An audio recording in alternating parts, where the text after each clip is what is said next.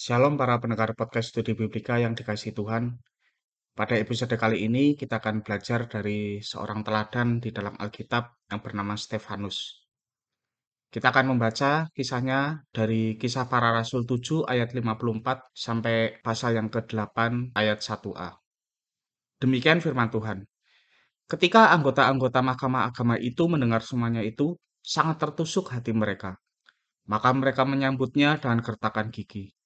Tetapi Stefanus yang penuh dengan Roh Kudus menatap ke langit, lalu melihat kemuliaan Allah dan Yesus berdiri di sebelah kanan Allah.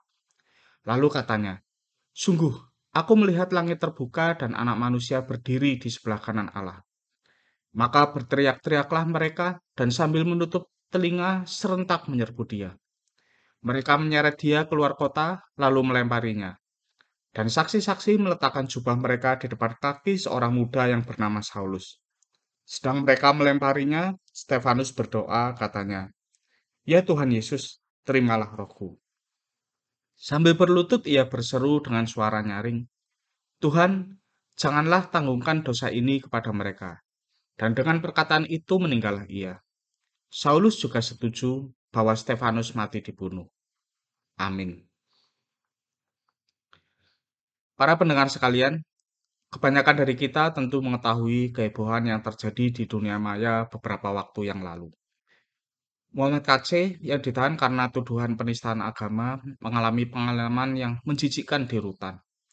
Selain mendapatkan penganiayaan fisik, tubuhnya juga dilumuri dengan maaf kotoran manusia dari penghuni rutan lainnya.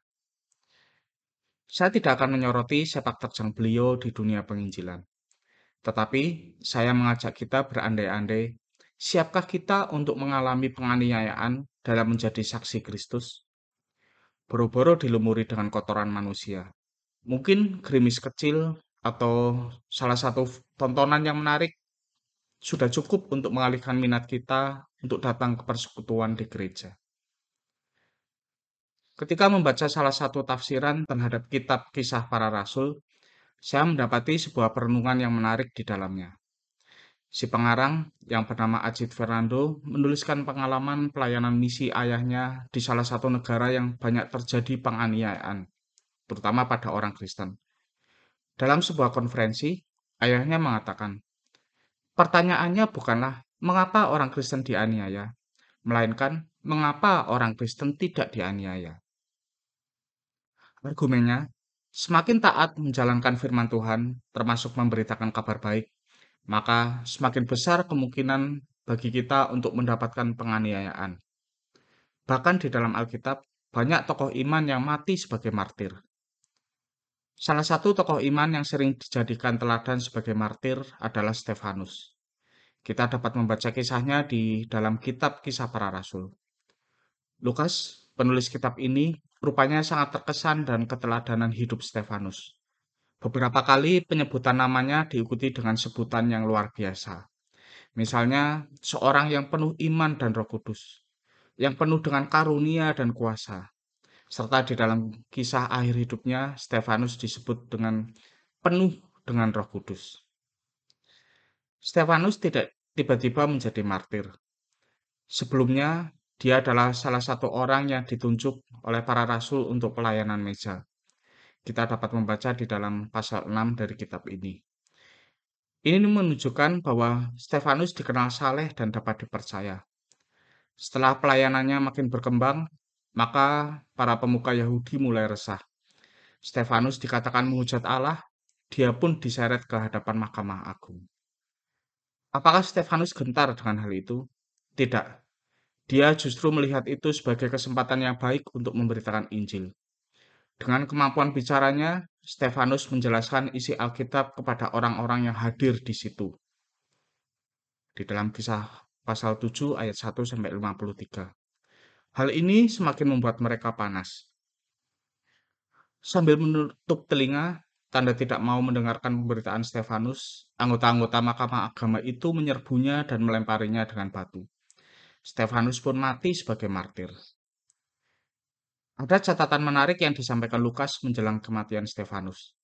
Ketika orang-orang dalam sidang mahkamah Yahudi itu menatap Stefanus, mereka melihat mukanya seperti malaikat. Kemudian, ketika orang-orang menyerbunya, Stefanus melihat Yesus, Anak Manusia, berdiri di sebelah kanan Allah. Penglihatan ini menyiratkan bahwa apa yang dilakukan Stefanus adalah benar di mata Kristus yang akan mengadili semua orang. Inilah yang menguatkan hati Stefanus untuk menghadapi penganiayaan itu dengan keteguhan hati, juga sukacita yang besar karena akan bertemu dengan Kristus. Saya yakin keteguhan dan sukacita yang diperlihatkan Stefanus membekas di hati banyak orang waktu itu termasuk juga Paulus, seorang penganiaya jemaat Tuhan yang kemudian justru menjadi seorang rasul.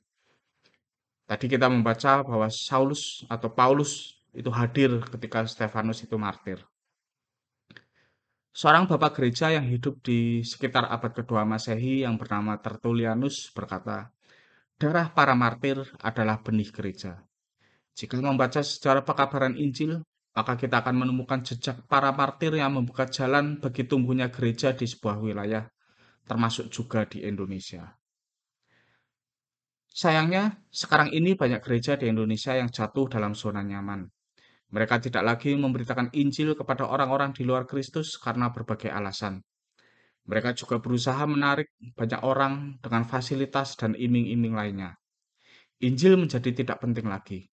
Padahal Injilah yang membedakan gereja dengan organisasi lainnya.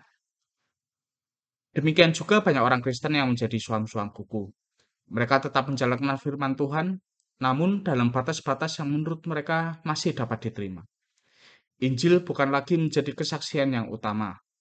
Mereka lebih suka memperlihatkan pencapaian dan diri mereka sendiri.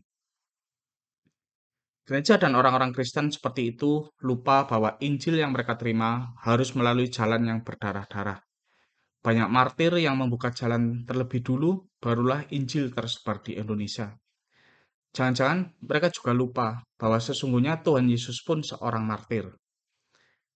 Tidak semua di antara kita akan dipanggil Tuhan untuk menjadi martir. Dalam arti, orang yang mati karena mempertahankan iman. Tetapi kita harus siap jika suatu saat Tuhan mengendakinya. Namun, kita semua dipanggil untuk menjadi saksi atau di dalam bahasa Yunani-nya martus, saksi Kristus dalam hidup sehari-hari. Tidak jarang itu akan membawa kerugian pada diri kita, tetapi bisa menjadi kesaksian yang efektif seperti halnya Stefanus. Seorang anggota gereja yang saya layani dalam katekisasi mengatakan pada saya bahwa dia mengalami intimidasi di tempat kerja. Apa sebabnya? Karena dia satu-satunya pegawai yang beragama Kristen di ruangan kantornya. Salah satu bentuk intimidasi yang dialami, rekan-rekan kerjanya tidak pernah mengajaknya bergabung ketika mereka makan siang bersama. Belum lagi ucapan-ucapan mereka yang menyudutkan iman Kristen. Saya pun menguatkannya bahwa itu kondisi yang normal terjadi pada orang Kristen. Bukankah Kristus sendiri mengalami penderitaan yang jauh lebih hebat dibanding kita? Apalagi bukan dirinya sendiri atau orang yang baik yang Kristus bela, tetapi orang yang bergelimang dosa seperti Anda dan saya. Justru pengalaman yang tidak mengenakan seperti itu sering menjadi kesempatan yang baik bagi kita untuk bersaksi. Maka jika Tuhan menempatkan kita di situasi yang sulit ketika kita ingin taat pada firman Tuhan, jangan sekali-kali melarikan diri. Kerugian yang bisa kita terima macam-macam, mulai dari sakit hati hingga kerugian materi. Itu semua bukanlah pengorbanan yang sia-sia, bahkan bisa dianggap sebagai sebuah berkat karena kita berbagian dalam penderitaan Kristus. Di dalam 1 Petrus 4 ayat 14, Rasul Petrus menuliskan, Berbahagialah kamu jika kamu dinista karena nama Kristus, sebab roh kemuliaan, yaitu roh Allah, ada padamu.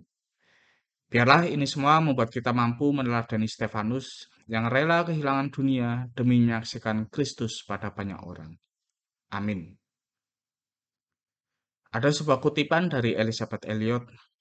Apakah kita membedakan antara hidup bagi Kristus dan mati bagi Kristus selalu tajam? Bukankah yang kedua, yaitu mati bagi Kristus, merupakan konsekuensi logis dari yang pertama, yaitu hidup bagi Kristus? Kiranya ini menjadi perenungan kita. Dan juga ada dua pertanyaan yang saya harap dapat kita renungkan bersama-sama. Yang pertama adalah, apakah ketakutan menghadapi kematian merupakan tanda tiadanya iman? Jelaskan jawaban Anda. Yang kedua, pernahkah Anda berada dalam situasi yang menyebabkan Anda gagal dalam menjadi saksi Kristus? Pelajaran apa yang dapat Anda petik? Tuhan memberkati dan sampai jumpa di dalam episode-episode selanjutnya.